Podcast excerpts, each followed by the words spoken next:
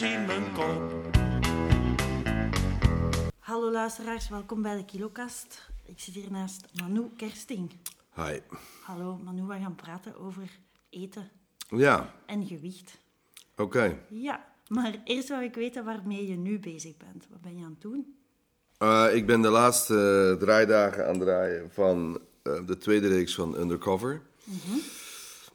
En ik uh, ben me aan het voorbereiden voor een musical waar ik aan mee ga doen, La Cage aux Folles, in de regie van Stanley Oh, cool. Kretz. Ja? Ik speel geen travestie, eh, wat ook had gekund hoor, met plezier zelfs, maar in dit geval ben ik de schoonvader. En dan vanaf januari ga ik eh, ehm, repeteren aan de musical Daans. Dit wordt een jaar van musicals. Zalig. en is het lang geleden dat je een musical hebt Ik heb gedaan? nog nooit een musical gedaan. Ah, Ik heb ooit wel eens iets in Nederland gedaan. ehm dat ging over het leven van Dolph Brouwers, beter bekend als chef van Oekel uit de jaren 70. Dat was een redelijk extreem figuur op de VPRO. Ehm, die was, eh, dat was, gewoon heel extreem wat die man deed. Die had van, van Oekels discohoek of ehm Waldolala en dat soort dingen. Dat waren extreme, ehm, grappige, soms ook perverse ehm, tv-avonden. En over, die man had een heel extreem leven en daar is ooit een voorstelling over gemaakt. En toen ik, eh, ik heb daar casting voor gedaan, ik ben toen de hoofdrol geworden. En al gauw merkte ik bij de eerste repetitieweek dat ik gewoon in een musical zat. En ik moest ook dansjes doen. Ik moest sowieso heel veel zingen, want Chef van Oekel was ook een zanger. Maar Ja. dat was het probleem niet. dus je kan goed zingen. Ja, ik- anders zouden ze jou niet vragen. Nee, ja. Ik heb ook een, een harmonic beatbox band gehad. En ik heb in mijn theatergroep Wacko heb ik heel veel gezongen. Dus. Maar, dus die Dolph Brouwers, chef van Noekel, zal ik maar zeggen, die zong veel. Eh waar heel specifieke geluiden. Want die man kwam eigenlijk uit de operette. Heeft ook nog in Antwerpen opgetreden in de jaren 50, denk ik. In de Ancienne Belgique toen, als zingende matroos. Dus dat zegt wel wat over die man. Ja. Maar ehm, er moesten ook allemaal dansjes gedaan worden.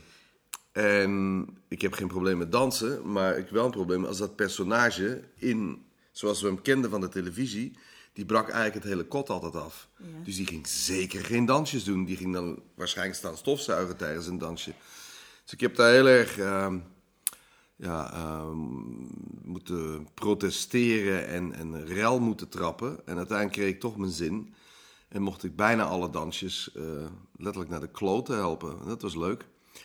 Maar bon, dat is de enige ervaring die ik heb met een musical. En op de lagere school deden we ook musicals. Eh, Oliver Twist en Exodus. Dat ging dan over het, eh, het reisverhaal van de Joden uit Egypte. Ehm, en daar had ik altijd grote rollen. Ehm, maar voor de rest is het mijn genre eigenlijk niet. Ik, ben er, ik ga er nooit naar kijken. Soms, als ik wel eens een musical zie op tv die ik goed vind, ben ik wel onder de indruk. Want als het genre echt goed gebracht wordt, ben ik er eh, zeker eh, in geïnteresseerd.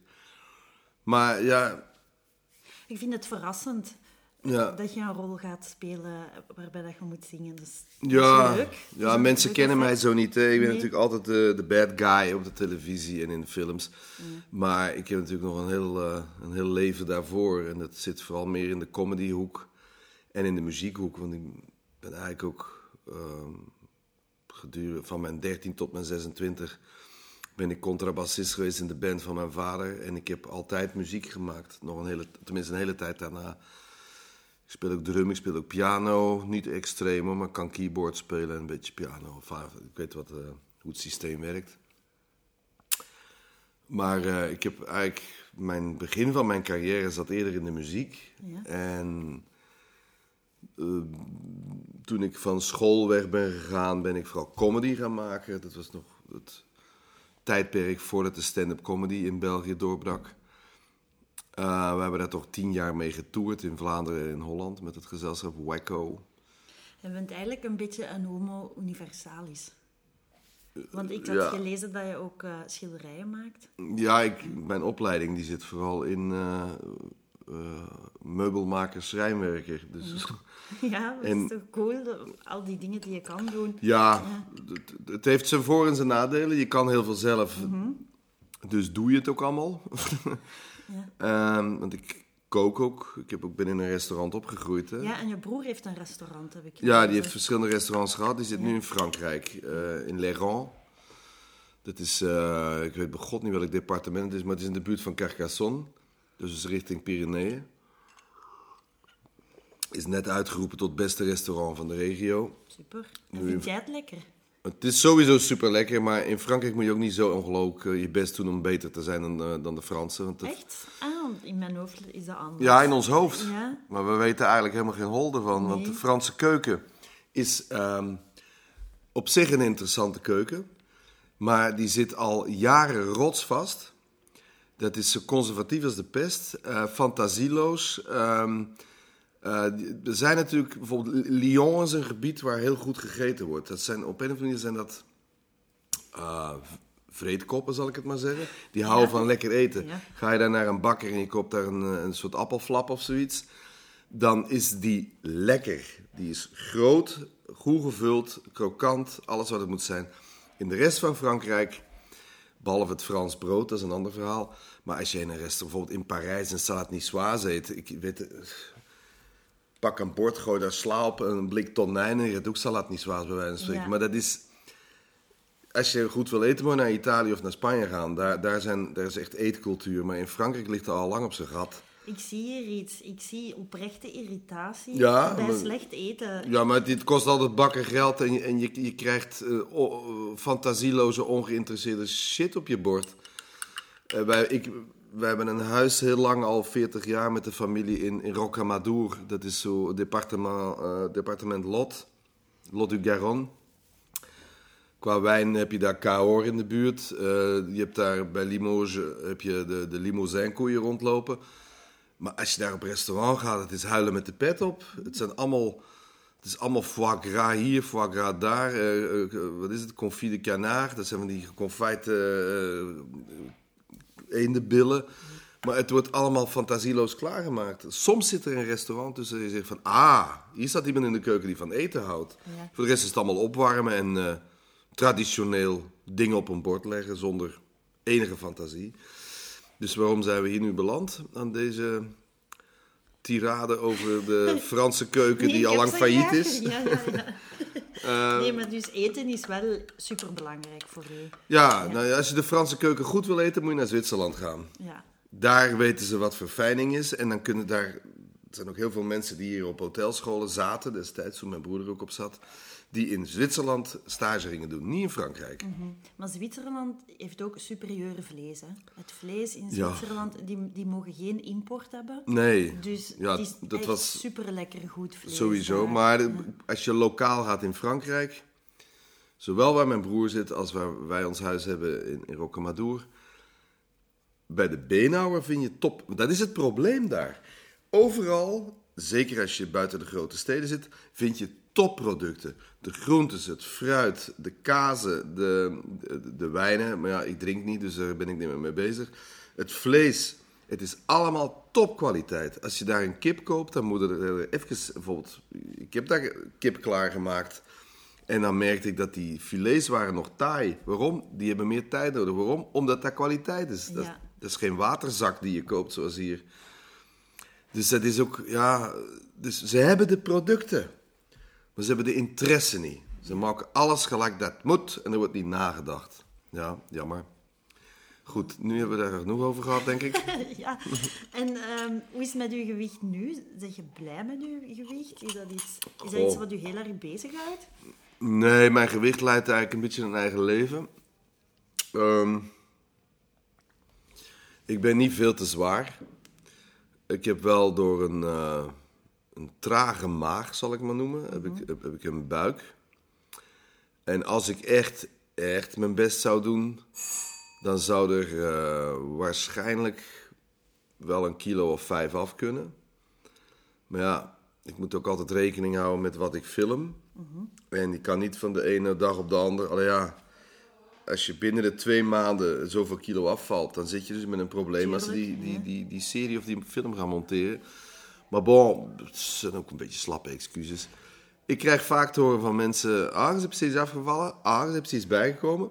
Ik weet het niet, ik weeg mij amper. Je bent ook zo'n persoon. Bij mij Ja. gebeurt dat ook heel vaak. Ja. Mensen hebben constant commentaar op mijn gewicht eigenlijk. Ja. Vanaf dat je mensen een half jaar niet hebt gezien, is het tweede zin een status van je gewicht. hè. Ja. ja. Ja, ik, ik, ik wijd het meestal aan als ik eh, eh, ongeschoren ben en ik heb eh, donkere kleren aan, dan ben ik altijd afgevallen. En als ik eh, geschoren ben en ik heb iets lichts aan, dan ben ik bijgekomen. Dus het is ook gewoon gezichtsbedrog, denk ik. Ik heb een periode gehad dat ik over de 100 kilo woog. Dat, was, dat moet een 11, misschien 12 jaar geleden zijn. Ik denk, laten we even op 11 jaar houden. Ja. Ehm, maar toen dronk ik veel. Ja. En ik zat ook aan, eh, aan andere narco- narcotica eh. Dus ik was eigenlijk gewoon compleet opgezwollen. Ehm, en ik mocht ook niet afvallen toen voor de serie Matrushkas. Nou, daar had ik geen moeite mee, want ik ging zelfs bijeten. Maar echt... Want ik was eigenlijk aan het- na de eerste reeks van Matrushkas begon ik spontaan af te vallen. Ja. Ik weet niet hoe het kwam, maar dat gebeurde. En toen zeiden de regisseurs, zeiden toen, ehm, we gaan over een jaar de volgende reeks draaien en zorg dat je op gewicht ja. En op gewicht bedoelde hetzelfde Dik blijven. eerste- Ja, dik blijven. Mocht niet afvallen. Ze zagen dat ik aan het afvallen was. Ik Ah, deed ja. daar niks voor, hè. Ehm, dat had voor mij te maken met stoppen met roken en beginnen met roken. Da- daar zat mij het, het, het gewichtsverschil altijd in.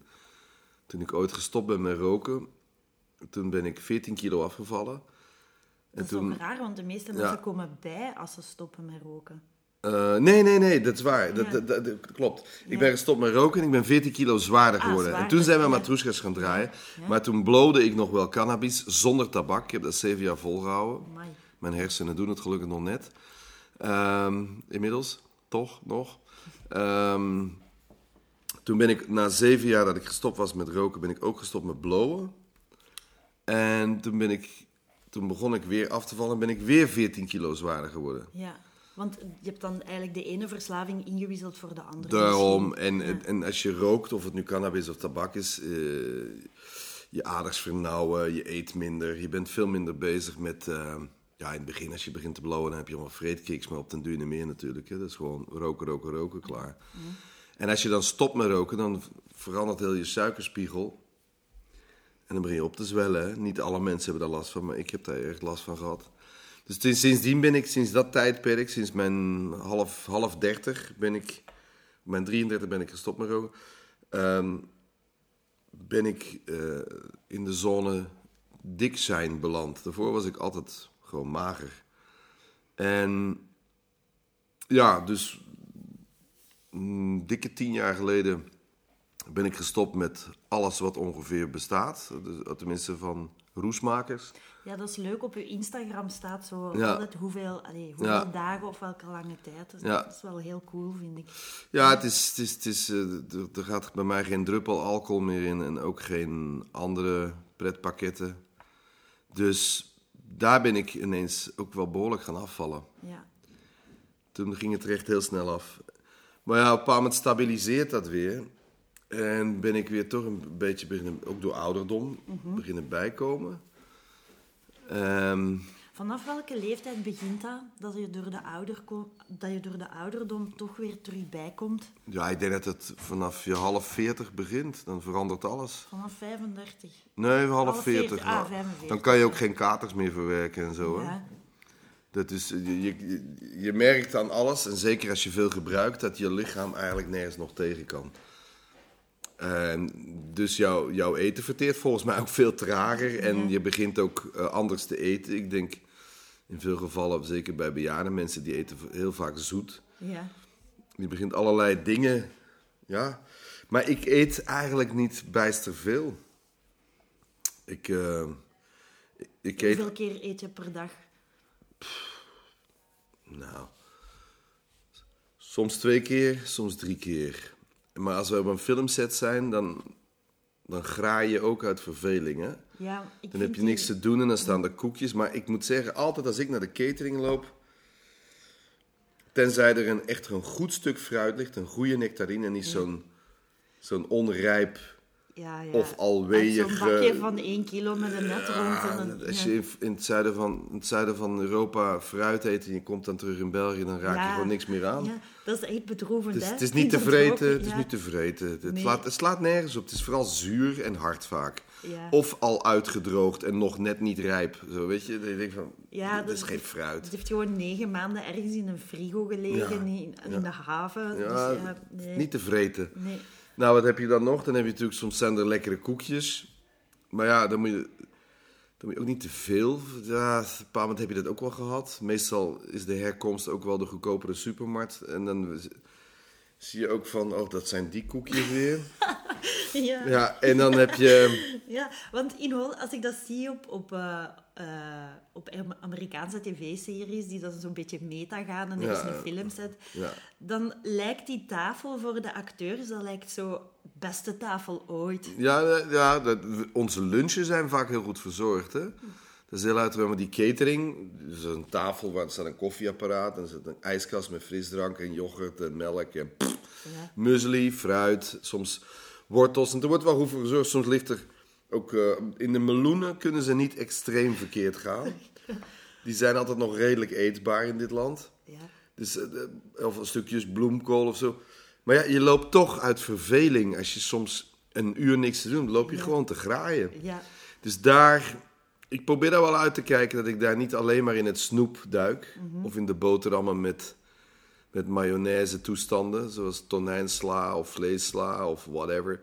Maar het is ook, het is ook gevaarlijk dat je daar non-stop boterhammen staat te eten. Hè? Die, dat beleg is ook allemaal aan de vette kant natuurlijk. Maar ik eet eigenlijk niet. eh, ik kook ook elke avond voor het gezin. Wat inhoudt, als ik kook, eet ik zelf niet bijster veel. Ja. Ik eet en ik stop bij één bord. En ik sch- schep mijn bord niet stampvol. Ja. Als je het zelf kookt, zeg je het eigenlijk al beu tegen dat op tafel Ja, je bent anders gefocust op, op het eten. En, ja, Ik heb, als ik aan het eten ben, eh, aan het koken ben, dan soms maak ik voor mezelf ondertussen toastjes of zo. Of dan sta ik toch te graaien. Ja, zit ja, ja, ja. beschuiten met kip curry te eten. Ja. En dan, dan zegt mijn man zo aan tafel van, ah, je eet niet veel. En Nee. ja, nee, ik heb eigenlijk juist vijf boterhammen met kip curry gegeten. Ja. Ja. Maar wij waren nu van de zomer, was ik met mijn oudste zoon bij mijn broer. Die heeft ook een B&B in, ehm, in, waar, waar ook zijn restaurant is. Ze zijn, denk ik, twee jaar geleden gewonnen met, eh, met een aflevering of een week eh, met vier in bed. Ah ja, Cre proficiat. ja, Creamundo heten ze. En hij is gewoon echt wel een hele goede kok. Want hij heeft heel lang een restaurant in Antwerpen gehad. Vet Sample was dat. Dan heeft hij daarvoor, was hij chef in Docs Café. Dat was ook niet niks. Dat is toch een aantal jaren chef geweest. Dan is hij daarvoor, zat hij op, bij Danielli. Dat was de, de Italiaan van Antwerpen Ah, op de. Keizerlei. Die zitten nu al lang ergens anders. Ehm, dus hij, heeft, hij is gewoon echt wel een, een goede kok. Dus oké, we kwamen daaraan. En ik, doordat we nog zaten te lummelen op zijn terras, vergat hij eigenlijk op tijd aan de mise en place te beginnen. De voorbereiding in de keuken. Ja, En ineens kwam zijn personeel ook naar hem toe van... ehm, ja. en hij heeft niet zoveel personeel, want hij wil niet zoveel mensen aan tafel hebben. Want hij is wat ouder aan het worden en hij wil gewoon maximum 30 man. ja. En meer wil hij niet. Als, eh hoe heet dat, couverts noemen ze dat. Hè? Dus eh, de klanten proberen wel, want hij is heel populair. Maar hij heeft van, nee, nee, nee. En hij heeft een groot tuinterras ook, onder andere. Dus we zitten daar en ik zie dat hij dus in paniek schiet en hij vliegt in die keuken. En ik loop naar hem toe, ik ik kan wel even helpen. Dan heb ik die mise en place meegemaakt. Dat was natuurlijk aan een mega tempo. Allemaal groentes eh, snijden, voorbereiden, voorbakken en noem maar op. Zelfs frieten mee staan snijden, want daar is hij heel populair mee. Ehm, maar ik heb op die week tijd, dan werkte ik wel elke dag, want op de duur deden we het gewoon voor de lol. Dan deed, werkte ik elke dag mee in de keuken, in de voorbereiding. En daarna ging ik eten in het restaurant bij hem, ja. met mijn zoon. Maar ik at, omdat ik ook bij de voorbereiding meewerkte, at ik ook mee met het personeel. ja. Dat vond hij leuk. En daarna ging ik met mijn zoon nog eens eten Ja, double whammy. voor hoofd- en nagerecht. Ja. Ik ben een, ben een indigestie teruggekomen. Ja. Ik heb een week heb ik amper nog kunnen eten. Ik zat overloaded. En dat is het probleem natuurlijk. Ja, als alles wat er aanwezig is zo ongelooflijk goed is. Ja, had hij ook mosselen gemaakt. Ehm, als je nou een klein kommetje mosselen ook mee eet. Nee, twee grote bakken mossel mee zitten eten. En dan nog een gigantische limousinsteak. Ja. En daarvoor nog een soort van tortellini. En daarna nog een, een dessert. Oh man, man. Nee, dat was eh, een beetje erover. Ja. Ja. dat is misschien toch een beetje de aard van het beestje. Hè? Dat het, Ja, er zit, er zit, ik, in mij leeft een zeer gulzig monster. Eh, vandaar dat ik ook in alles overdreef en ben ik ook gestopt met heel veel. Ja. Ehm, ja, het is aard- ja, ik ben niet iemand die matig. Maar ik moet zeggen, doordat ik met al die ehm, drugs en drank al tien jaar gestopt ben... Ja. En daar ook ehm, ja, over praten in een praatgroep en zo. Nu al lang, niet- of ik ga te weinig. Maar bon, ik heb dat in het begin heel intensief moeten doen. Ja. Ehm, ben ik ook over alle andere dingen gaan nadenken. En zal ik niet zomaar even in de auto een zak snoep leeg eten.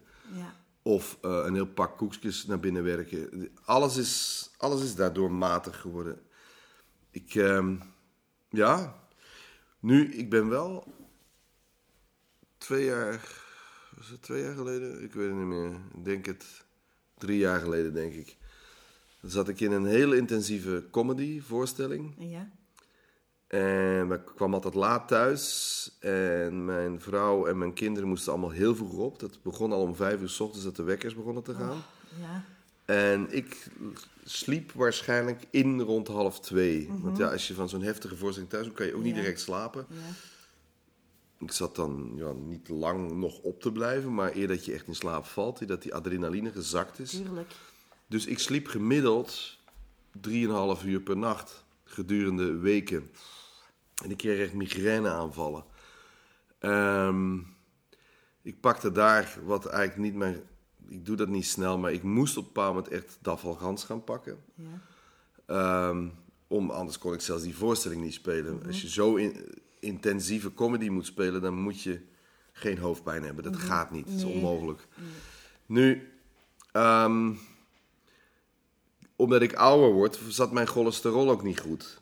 Maar daar, daar was ik niet mee bezig. Dus dat waren al twee heel vervelende dingen.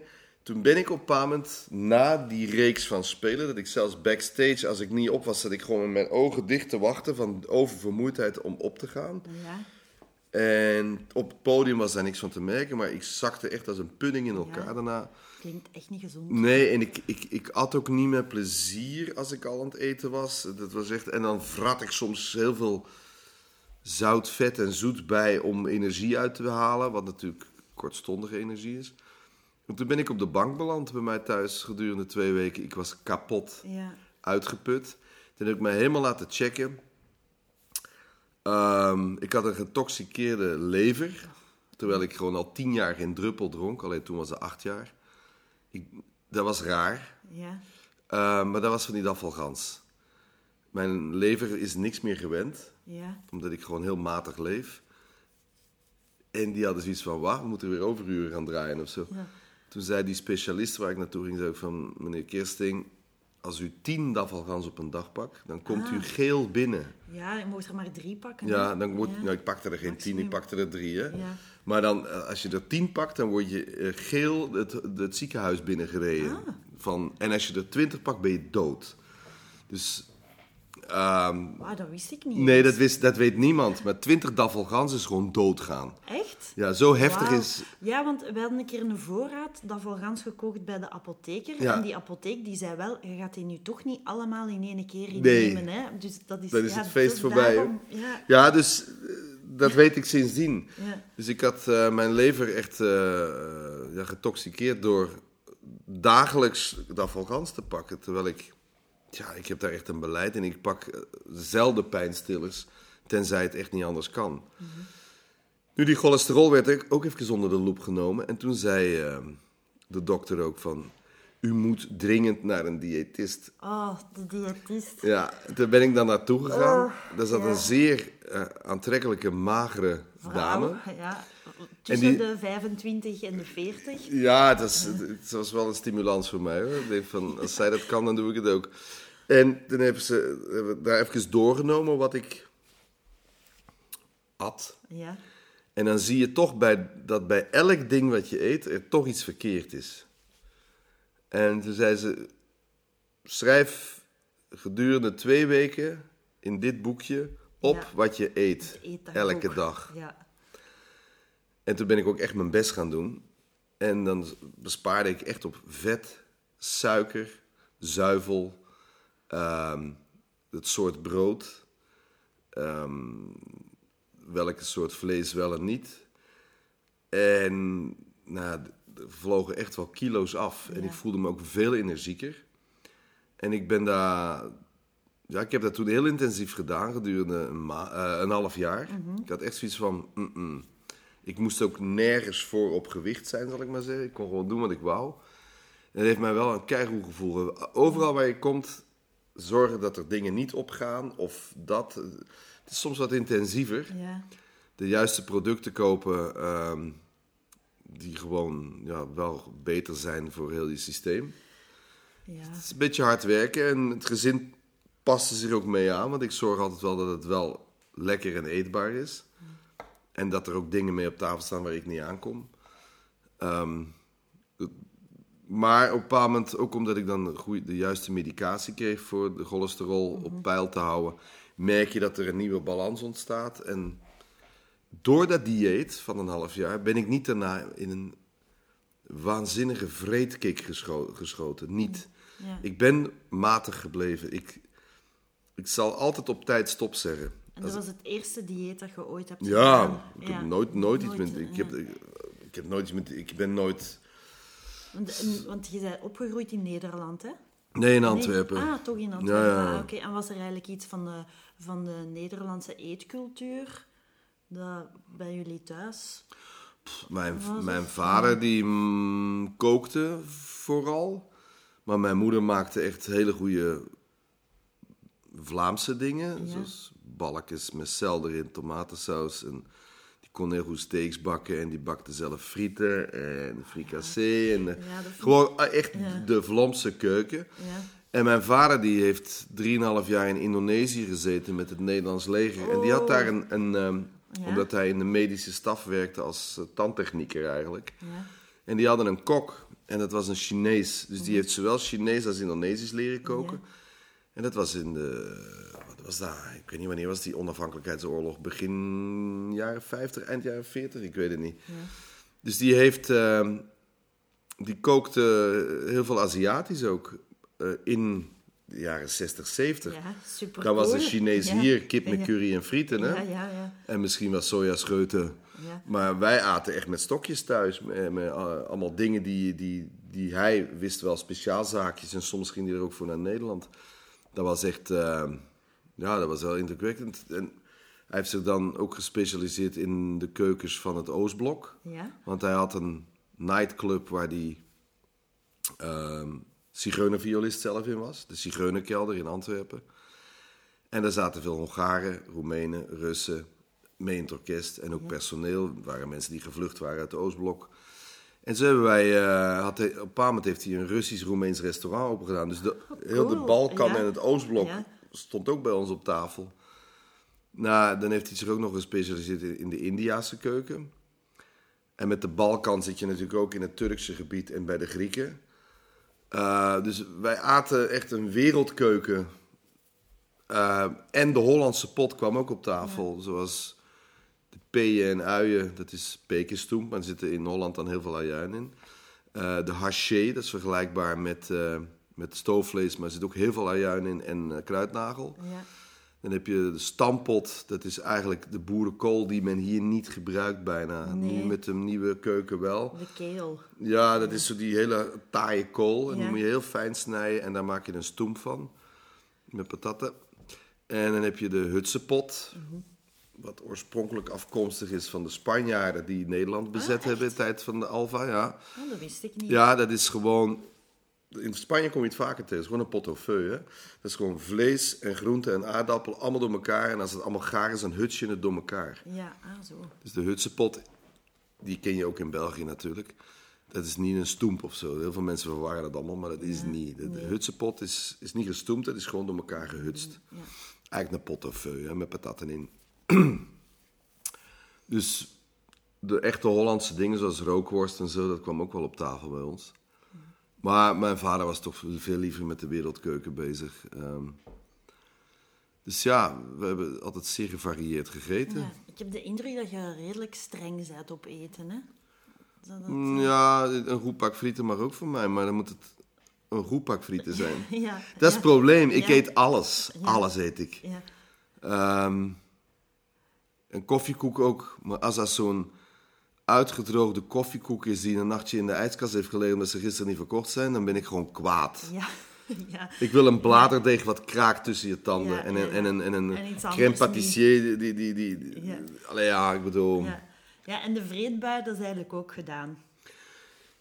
Ik heb dat al lang niet meer. Ik kan... Ik ben wel jaloers. Ik, ik heb het nog wel. Misschien met de leeftijd ook dat het weggaat, ik weet het niet. Ja, het- het- het- bij mij is alles veranderd toen ik gestopt ben met, met drinken. Ik weet, toen ik net ehm, bij de organisatie zag, zat waar ik de naam niet van mag noemen, omdat ze anoniem zijn. Ja. Dat is alles al mee gezegd natuurlijk. Ehm, dus het laatste jaar dat ik gebruikte en dronk. ehm, nee, nee, dat is niet wat ik zou zeggen. Als ik dus er juist bij zat, dan had men het altijd over eh, hoe is het met uw herstel. Ja. En ik had altijd zoiets van herstel. Toen ik gebruikte, zat ik elke dag in herstel. Ja. Want dan moest ik bijkomen van de dag ervoor. Ja. En ik weet, dan was ik aan het filmen aan een of andere reeks in België. En dan, ik had een appartement in Antwerpen en ik woonde een tijdje in Delft, in Holland, bij Den Haag. En dan reed ik zo, dan vertrok ik dan s ochtends toch maar weer naar huis, nadat ik eh, geslapen had in Antwerpen. Maar omdat ik zoveel gezopen had de dag ervoor, dan moest ik stoppen bij een McDonald's of zo. Ja, om daar een hoop vet en zout in te Ja. proppen. En dat was voor mij herstel. Ja, ja, Herstellen. Echt, dat je moet- echt moet herstellen van, van de rotzooi dat in je lijf zit allemaal. En dan stop je er nog meer rotzooi bij. Dus maar toen ik echt gestopt ben, en eh, omdat ik, laten we zeggen dat de, de absolute reden waarom ik gestopt ben, is omdat ik mijn leven in een hogere kwaliteitszone wou krijgen. Ja. Ik was te veel. Ik heb nooit problemen veroorzaakt voor de buitenwereld en ook niet in mijn werkgebied. En in mijn gezin denk ik ook niet. Het is niet zo raar dat ik dan toch ook gescheiden ben, maar dat zal ook wel met mij te maken hebben. Maar er waren nooit echt echte toestanden. De cliché dingen van het huis samenkloppen of je vrouw door de gang gooien. Dat was allemaal niet aan de hand bij mij. Eh, maar ja, je, je merkt toch dat je elke dag of toch een paar keer per week er terug bovenop aan het kruipen bent met katers, pijnstillers, eh, blurry momenten, dat je ook niet exact weet wat er gebeurd is, te slecht geconcentreerd, een slechte focus naar wat er moet komen en dat is gewoon dat je constant ligt te gebruiken. Ja. En daar wou ik vanaf. Ja. Dat, was de enige, dat is de enige echte, echte reden waarom ik gestopt ben met alles. Omdat ik zoiets wou, ik wil elke dag overzicht hebben over alles wat ik moet doen en wat ik gedaan heb en wat er nog moet gaan komen. En dat is gelukt. Maar sinds dat moment is ja, alles daar in die modus gekomen. Ik, ik ben redelijk, ik ben echt wel matig met enige, er zijn misschien een aantal dingen waar ik misschien onmatig nog in ben. Dat is eh, het, eh, het gulzig kijken naar series. Ja. Ik beschouw het ook als een studie voor mijn vak. Ja. Het is niet alleen maar entertainment. En ja, laten we zeggen, het seksuele gebied, daar ben ik, als eh, we niet allemaal oververmoeid van het werk zijn, heb ik daar ook geen, eh, ben ik daar ook niet sober in of zo. Ja. Dus iets van, daar, dat is misschien het enige moment dat ik nog in een roes kom. Ja. Maar voor de rest eh, ja, ben ik daar niet meer mee bezig. Ook het eten is daardoor matiger geworden. Ik denk dat het ook wel is als je je leven zo intens verandert, dan duurt het ook altijd een, een beetje langer voor uw omgeving voordat ze daaraan gewend zijn. Ja, dat sowieso. Ja, en is dat ook niet dat, je dan, dat ze zich u misschien nog herinneren als de, de gulzige eter of zo? En dat je dan mensen precies wat teleurstelt omdat je Ja. zo... is- Ja, ja. ja en nee. Ja, eh, Mij wordt soms echt eten opgedrongen, omdat ze nog weten van, ah ja, Roosje die eet veel. Ja. Dus ja, en dan is precies dat je hun pijn doet of zo. Van, ja, sorry, maar... want ben jij nu heel veel afgevallen tegenover een lang... Ik ben niet superveel afgevallen. Ik ben denk, 12 kilo afgevallen Dat is redelijk zo. veel toch, Maar, voor, sommige mensen toch? Ja, en dus dat blijft wel... Je blijft wel een beetje de dikke in mensen hun hoofd. Ja, van- ik, word nog de, ik word ook de dikke genoemd Ja. soms, ja. Je bent zo, ja, ik ben, ik ben gecategoriseerd als smulpaap. En, en uw glas wordt bijgevuld en uw dingen. En, Ja. en dat is heel leuk, maar dat is, ja...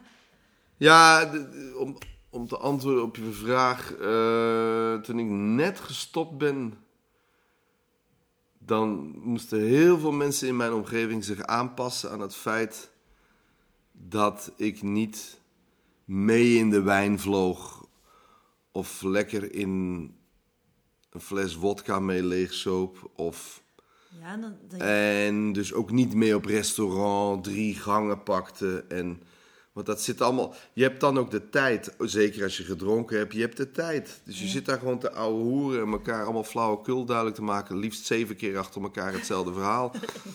En Ja. dan komt er weer een gerecht en nog een dit en dan nog wat grappa's en de avond is gevuld. Bij mij, als ik nu wel eens meega naar zo'n soort moment, bij het voorgerecht heb ik gegeten en heb ik zoiets van, waar gaat dit over? Ja. Mij zegt het geen, tenzij het eten heel goed is, maar dat duurt dan ook vaak te traag, omdat iedereen zo traag aan het consumeren is.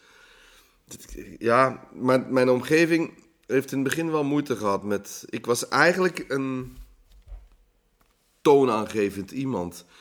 Ik pakte het uit mijn milieu, in, in een bepaald gebied van mijn milieu, Ja. was ik toch wel een stevige doper. ja. Ik, eh, bij mij kon je eigenlijk al terecht als, als je iets wou of zo. Ik dealde niet, maar ze, ze ja, ik had altijd wel iets op zak. Eh, en ik ging ook altijd lekker laat door. Ik heb veel kroegen mee gesloten. En ik kon heel goed tegen drank dat ik bleef overeind. Ik bleef echt overeind staan tot Ja. de laatste minuut. En ja, bij mij kon je wel een feestje hebben. Ja. Ik kon ook, ik was ook, ik kon ook wel agressief zijn, maar ik kon ook erg grappig zijn. Eh, dus het was altijd wel party party met mij, of kennelijk. Ja. En ineens was dat niet meer. Ik heb ook heel veel discussies moeten voeren met mensen die dan zeiden: ja, maar je kunt toch gewoon een paar pintjes drinken en Ja, ja, ja. zijn ik niet. Ja, maar ik doe jij, ik niet. Ja, maar ik heb met sommige mensen drie keer dezelfde discussie moeten houden van nu stop je erover. Want het lijkt wel of je mij over, wil overtuigen dat ik moet hervallen omdat jij je dan beter voelt. Laat mij mijn ding doen.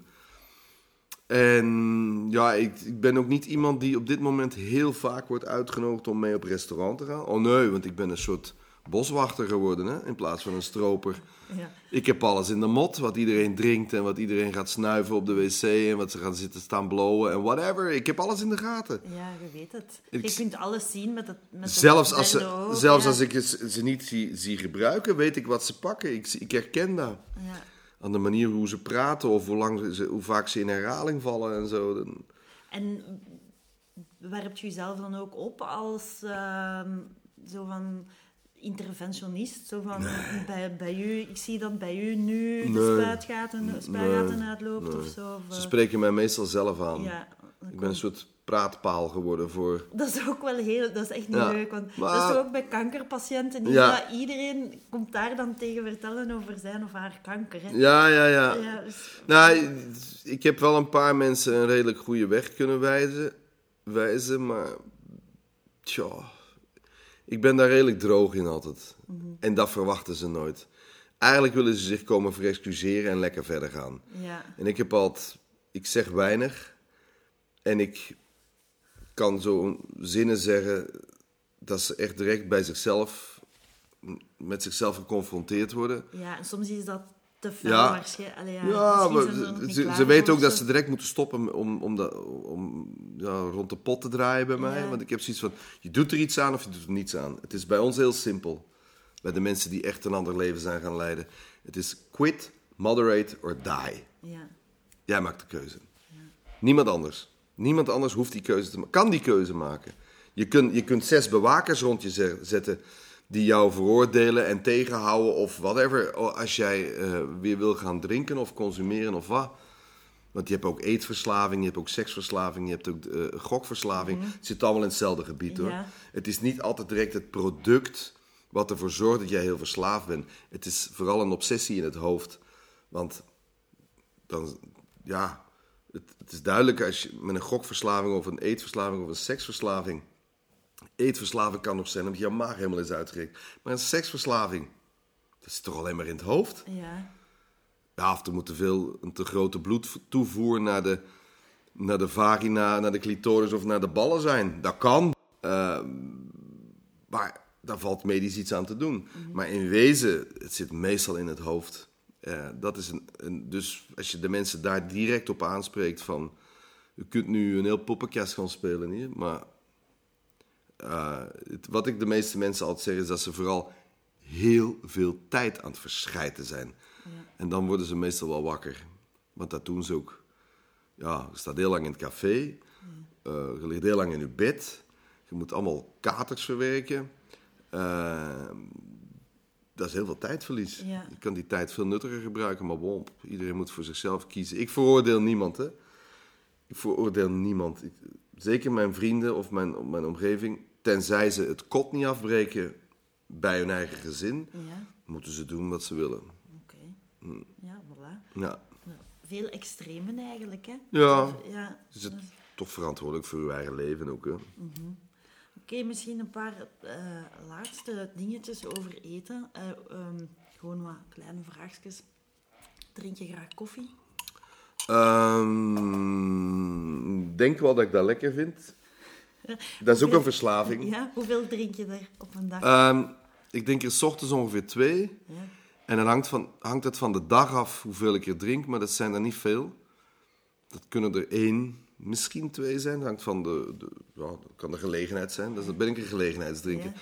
En s'avonds na het eten moet ik er één drinken. Ah, anders ja, heb met ik of zonder cafeïne? met. Met, Met, gaat ja. om de cafeïne, want anders krijg ik om vier uur s'nachts barstende koppijn. Ah, echt? Ja, sinds ik gestopt ben met alle zware middelen, Ja.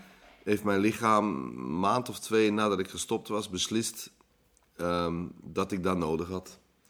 En ik kan daarvan afkicken, dat kost me twee weken. Ja. Dan heb je twee weken hoofdpijn. Eh, dat heeft ook te maken met de roofbouw die ik op mijn organen heb gepleegd met mijn gebruik voordien. Ja, Maar, maar dus mijn lichaam die heeft om de, binnen de 24 uur voldoende cafeïne nodig. Ik kan daarmee stoppen. Hè. Ik kan zeggen, ik ga twee weken geen koffie drinken. Dan zal ik barstende koppijn hebben, waar je met pijnstillers, dat is een migrainegebied, dus het is heel moeilijk te, be- ehm, te verdoven met pijnstillers. Maar dan ben je er ook vanaf. Maar Ja, dan, dan moet je nooit meer Dan mag je nooit drinken. geen koffie meer Ja, drinken. dat En is denk van- vreselijk. Ja, ik, dat ik, gaat ik, niet. ik, wil, ik heb ook op mijn arm getatoeëerd staan, dat is een, een tekst van Tennessee Williams. Kill all my demons Ja. and my angels might, might, might die too. Ja. Dus je moet altijd nog een klein duiveltje mee laten spelen, want anders gaan de engelen ook dood. ja, ja, ja. En ja, voilà, dus eh, koffie is een, een geaccepteerde verslaving voor Ja. mij, die ik heel erg onder controle heb. En ik drink maximum, maximum vijf koffies per dag. Ja, ik, denk, ik ben eigenlijk aan het denken, koffie is er ook in het rusthuis. Dus misschien zijn de dingen die dat in het rusthuis zijn, wel gewoon de goede dingen. Dat weet ik niet. Want er is geen chips bijvoorbeeld. Er zijn wel koekjes, Ah, ja, maar er ja. is geen chips. ja. Dus nou, koffie is natuurlijk wel voor de lever niet zo vriendelijk. En de lever speelt een grote rol in onze gemoedstoestand. Ehm, ik weet wel, want ik ben ook ADHD'er, dat je, je kan natuurlijk zware middelen gebruiken zoals Rilatine of dexamfetamine. Eh, maar als ik echt een focusprobleem heb, dat ik te veel afleiding heb, dat is mijn focusprobleem, dat ik te veel prikkels heb en dat ik me niet kan focussen op wat ik moet doen, dan moet ik mijn frontale kwap Ja, activeren. Dat zou je met medicatie kunnen doen, maar ik doe dat meestal met een sterke koffie of met een Red Bull. ah ja. Want in Red Bull zit taurine. En taurine is ook een, eh, ja, vergelijkbaar met relatine, maar veel lichter. Maar dat is een plantaardige variant. Ja. Ehm, dus voor ADHD'ers is het helemaal niet slecht om soms eens een, Taurine. ja, een, een Red Bull te drinken. Dat is het makkelijkst te verkrijgen. Ehm, dan, dan is die focus terug. Dan, dan zit het niet speedy of zo als ADHD, maar dan zit het gewoon rustig omdat je kunt blijven focussen. Super. Ah, ja. Maar ja, dus ik, laten we zeggen, omdat ik redelijk veel drugs gebruikt heb, eh, weet ik ook wat het met alles doet. En je moet de producten en, en alles wat erin zit, is niet onbelangrijk. Ja. Ehm, dus in die zin, ja, denk, denk ik dat cafeïne ook wel een redelijke goede rol kan spelen. Maar te veel is ook te veel eraan. Hè. Echt, vijf koffies is al pittig op een dag, vind ik. Ja, ja. En wat is uw favoriete chips? Ehm, hm.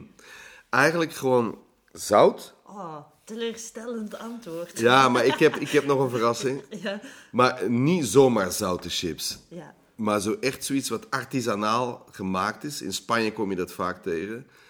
Dat is zo...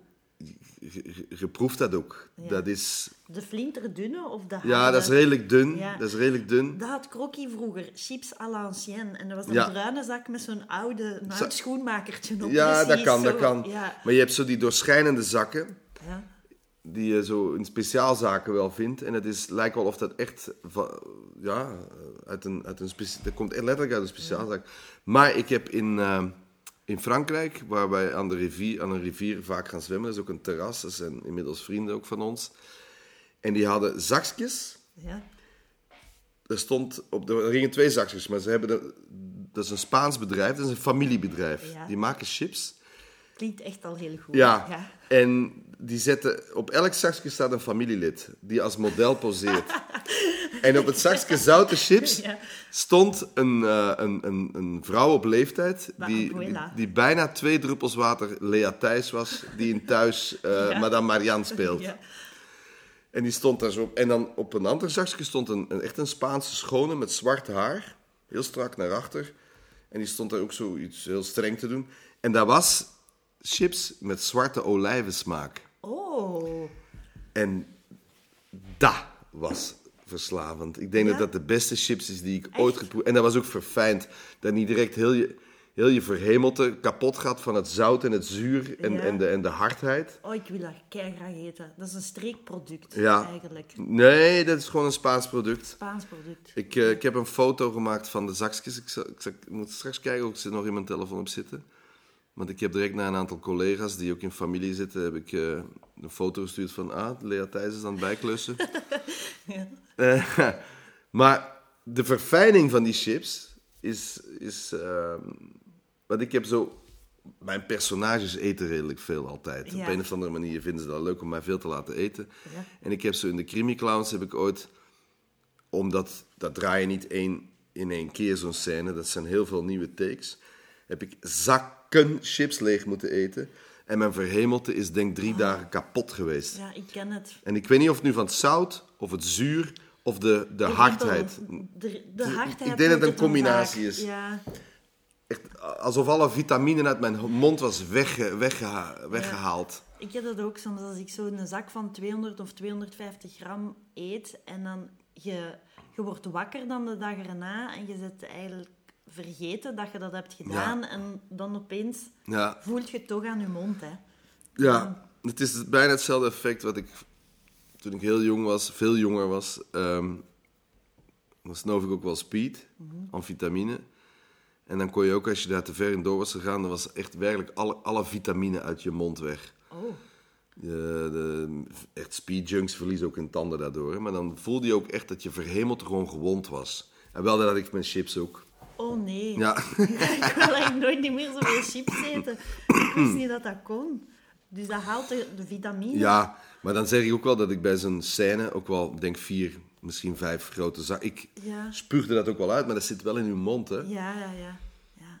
Dus als de scène opgedraaid is, dan kon ik zo alles wat er nog in zat in een, in een emmer spuren. En dan gingen we opnieuw... Maar dat, ja, dat, dat zijn van die... Ik heb in die nieuwe reeks van Mark Punt, die is nu net van de zomer eh, is die afgewerkt. Fairtrade heet dat. Had ik scènes met Peter van der Begin en mijn broer, die mijn broer speelt. Ehm, omdat hij nogal veel op mij lijkt. eh, hadden we een scène dat we patekens aan het eten waren. Ik weet niet hoeveel ik er heb opgegeten, maar ik weet wel dat ik... Het was extreem. Ik heb heel veel patekens gegeten met chocola en er zat volgens mij cafeïne in. En ik heb daar, ehm nadat die op waren, dat was mijn enige scène. En ik had nog een scène daarna. En daarna was ik vrij de rest van de Ja. dag. Om drie uur s middags ben ik in een coma gevallen op de bank. Oei, ja. Gewoon in slaap gevallen. En daarna was ik compleet blurry totdat ik naar mijn bed moest. Ik was... Ja. Dat is een, een, een, ja, een overdosis suiker heb ik gehad of zo. En die lever heeft natuurlijk ook weer een klap gehad met al dat vet. Dus, maar ja, bon, in mijn beroep moet je soms zware dingen doen. Dus ik heb...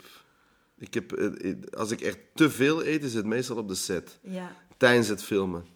Ik heb ook, eh, ik denk... Samen met Peter van den Brin heb ik 6 kilo Thais opgegeten bij een scène. Dat was niet normaal hoeveel wij aan het vreten waren. Maar ja, het moest, hè. En is dat dan, terwijl dat je dat aan het doen bent, dat je dan al beseft van, oh, het is te veel? Of is dat gewoon omdat je met je métier zo hard in de rol zit? Nee, ik besef wat er aan de hand is, maar je beseft ook dat het er niet uitziet als je kleine hapjes zou nemen.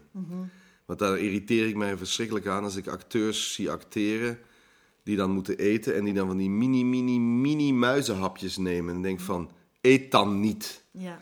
Dat is precies... Dat, dat slaat nergens op. Ja. Zo, dan eten ze een half boontje en denk van, zo eet toch niemand? Nee. Je moet toch grote happen nemen? Ja. Da, da, dat is ja ook voor de scène is dat ook veel interessanter. Iemand die goed zit te eten. En dat hebben ze wel begrepen dat ik dat graag doe. Dus daarom schrijven ze het er altijd in dat ik Ja. goed moet eten. Ja, dat, dat, dat klopt gewoon ook. Ja. Als je iemand ziet eten aan tafel, dat hij goed aan het schoeften is en dan zijn tekst aan het zeggen is, dat is veel beter. ja. Maar ja, het En kost wel wat. IJs. IJs, ja. Ja, ik, ik, ik heb een probleem met zuivel, ik, eh, maar ik eet het graag. Maar ik moet dat niet te laat eten en ik heb er ook altijd last van. Maar ik eh, ben altijd blij als er een hele goede ehm, ijssalon is. Op het Zuid zit er hier een. Daar ga ik graag naartoe. Eh, daar in Frankrijk, bij het huis van mijn vader, zit ook een hele goede. Dat zijn dat zijn Belgische mensen die hebben eh, een geitenboerderij en die maken van geitenmelk, maar er is ook andere, eh, ook van koeienmelk natuurlijk. Maken ze allemaal hun eigen ijs. En daar kan ik echt voor omrijden. En zeker overdag, want dan heb ik er geen last van. Ja. Dus s'avonds dat ik er last van heb. Ja, een goed ijs is ook altijd in balans. Hè? Daar zit niet te veel suiker in. Mijn broer maakt ook heel goed ijs. Als het goed ijs is en het zit zo... Je hebt ook nog zo wat tussen sorbet en ijscreme in zitten. Dat heeft nog... een- Ik weet even niet meer eh, hoe het heet, maar dat heeft ook een naam. Dat, ja, ik vind dat fantastisch. Een, een, zeer mooi product is dat. En ja, als het lekker is, als het goed gemaakt is en het is kwaliteitvol, graag. En als afsluiter misschien uw lievelingssnoepje. Wat is uw favoriete snoepje? Eh, iets zuur. Zo'n lem- lemon. Zo'n Lutti lemon. Dat weet ik niet, dat ken ik niet. Dus vroeger, toen ik naar school ging, naar de lagere school, hadden we langwerpige, zure visjes. Die zijn al lang niet meer op de markt. Nu hebben ze van die, van die precies mini doradekjes, van die kleine platte Ja. visjes. Ja, Die lijken erop. ook zo. Ja, waarschijnlijk zit dat er ook bij. die kleintjes, Ja, piranha's. ja lange- piranha, piranha's, ja, ja, ja. Maar die, die andere visjes die wij kochten, die waren langwerpig. Mhm. En wat er het meest in de buurt komt, zijn nu die, die slangetjes die ook zuur zijn. Ah ja, of die zure hagedissen. Dat is ook goed. Ja, die, ik weet niet of ik die ken. Maar die slangetjes zijn meestal in drie kleuren. Ja. En die lijken het meest op die visjes. En dat is toch wel mijn favoriete snoep. Maar ja, daar moet ik ook echt zeker niet te veel van eten. Hoor. Want dat is, ja... Voelt, ik, ik heb een hele slechte maag, hè, dus... Het is wel heel knap hoe dat je maten hebt gevonden. Ja, het- ik denk dat, u, dat mijn organen dat voor een deel mee bepalen. Maar ik heb mijn maag... Ik heb geen goede maag genetisch. En ik heb die dan ook echt wel nog naar de kloten geholpen met, eh, met drankgebruik en eh, gulzigheid. En door ook nog heel veel stress in het werk. heb ik een, eh, een maagbreuk gehad. Dus ik zit gewoon met een maagbreuk. Je kunt dat laten opereren. Maar de kans dat die maagbreuk terugkomt is ongeveer 90% of zo. Dus je kunt hem beter zo laten. Hè. Ja. Gewoon zuurremmers pakken elke dag. Van die, je hebt speciale zuurremmers, je voelt daar verder niks van. Ehm, maar ja, ik, kan, ik moet dan ook uitkijken dat ik geen zuurremmers pak en dan mijn maag gigantisch eh, ga misbruiken of zo. Dus Ja. ik, ik moet echt wel uitkijken met al die shit. Ehm, hoe lekker het ook is. Ja, dat kan, het kan niet anders. Het is redeneren. Ja, Ja, oké. ja eh, moet je lichaam ook... moet ook vriendelijk zijn voor je lichaam, niet alleen voor je hersens of zo. Ja, dat is misschien een goede bood- Ja. boodschap voor de luisteraars. Ja. Vriendelijk zijn voor ons lichaam. Ja, Ja. want verslaving, dat is eigenlijk een gekaapt brein, hè? Het brein beslist vanuit de verslaving. En we moeten ook nog, ja, de rest van de organen kunnen niet meepraten. Die kunnen niet zeggen van, ei, ei, het is het brein dat alles beslist. ja. Dus dat moet, u, moet die organen, de andere organen ook te vriend houden. Oké. Dank je wel voor het gesprek. Het was heel gezellig. Ja. Merci. En nog veel succes. Dankjewel.